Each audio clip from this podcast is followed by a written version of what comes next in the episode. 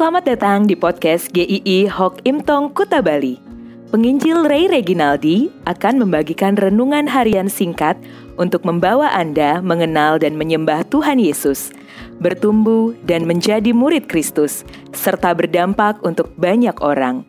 Jika Anda merasa diberkati melalui renungan ini, silahkan bagikan podcast ini agar orang lain juga diberkati. Inilah renungan hari ini.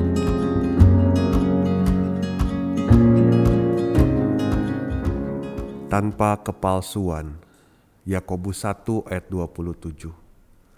Ibadah yang murni dan tak bercacat di hadapan Allah Bapa kita ialah mengunjungi yatim piatu dan janda-janda dalam kesusahan mereka dan menjaga supaya dirinya sendiri tidak dicemarkan oleh dunia.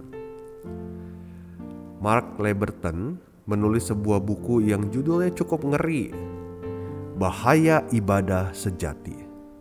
Di dalam buku ini dipaparkan adanya bahaya-bahaya sejati yang sering diabaikan atau tidak disadari oleh orang percaya.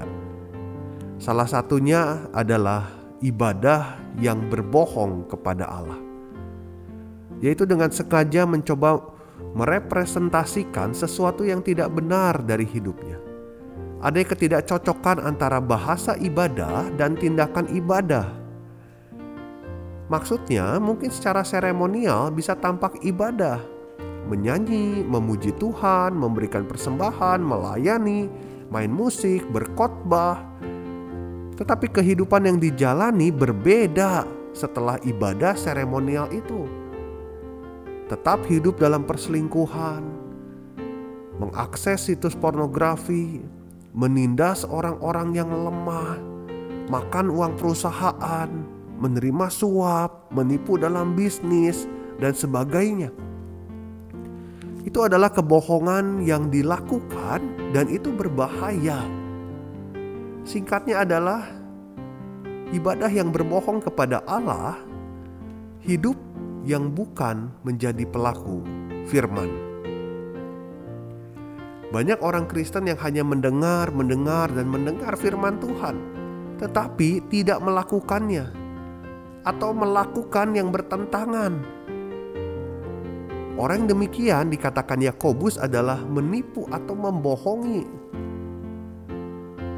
Saat seorang Kristen hanya mendengar dan tidak melakukan firman Tuhan, sebenarnya orang itu hanya menjalankan formalitas keagamaan, hanya supaya kita terlihat sudah melakukan kegiatan keagamaan, memberikan rasa aman yang palsu agar kita tidak merasa bersalah seolah-olah kita orang yang sudah rohani di hadapan manusia, tetapi bagaimana di hadapan Tuhan?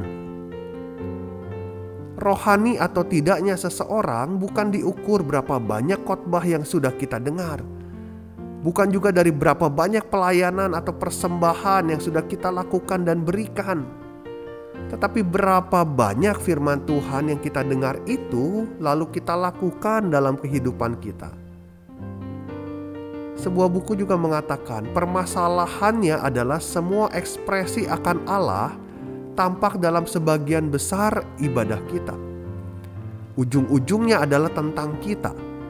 Kita mengira bisa menyembah Allah dengan cara menemukan Allah, tetapi kehilangan kesadaran terhadap sesama kita. Tiga contoh yang diberikan Yakobus sebagai pelaku firman yaitu pertama, di ayat ke-26, seorang pelaku firman adalah seorang yang dapat mengekang lidahnya. Dia tidak asal bicara, tidak memakai perkataan untuk menjatuhkan orang lain, tidak memakai perkataan untuk menipu, untuk menggosip, dan lainnya. Kedua, pelaku firman adalah mereka yang memperhatikan, mempedulikan orang-orang terabaikan, orang-orang yang tidak mempunyai pengharapan, Ibadah yang murni dan tak bercacat di hadapan Allah katanya. Mengunjungi yatim piatu dan janda-janda dalam kesusahan mereka.